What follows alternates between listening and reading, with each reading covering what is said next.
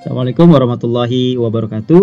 Halo teman-teman semua, apa kabar? Pada podcast kali ini saya akan menjelaskan tentang bagaimana cara membuat podcast untuk pendidikan. Oke.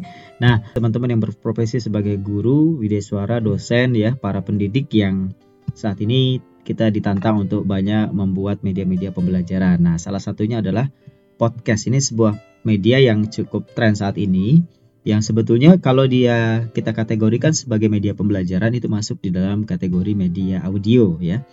Nah, apa saja kegunaan dari podcast, kemudian peralatan apa yang dibutuhkan untuk membuat podcast, langkah ideal apa yang digunakan untuk membuat podcast akan saya bahas pada podcast kali ini ya. Nah, pertama kegunaan podcast itu yang untuk cover lagu bisa ya, kemudian untuk sharing, untuk pendidikan dan lain sebagainya. Intinya adalah apa pun yang teman-teman ingin uh, share untuk pendengar itu bisa direkam dan dibuat podcastnya ya. Nah, kemudian peralatan yang dibutuhkan untuk membuat podcast yang pertama adalah laptop, komputer, atau handphone. Jadi bisa juga teman-teman bikin podcast menggunakan handphone ya. Kemudian yang kedua adalah mic atau alat perekam suara. Ini bisa mic yang internal yang ada di handphonenya atau yang di laptopnya atau teman-teman punya uh, mic sendiri, mic eksternal ya. Bisa berupa mic condenser yang biasa digunakan oleh podcast profesional ya.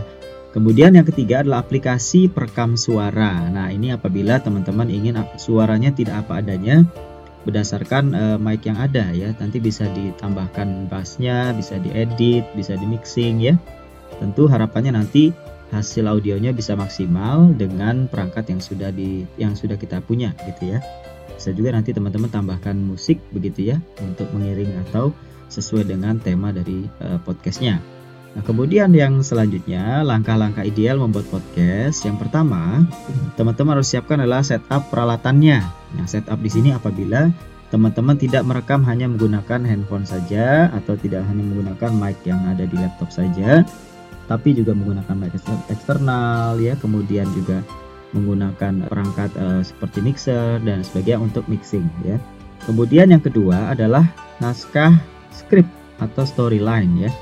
Istilahnya naskah ini adalah panduan teman-teman untuk merekam supaya isi dari podcastnya terarah seperti itu.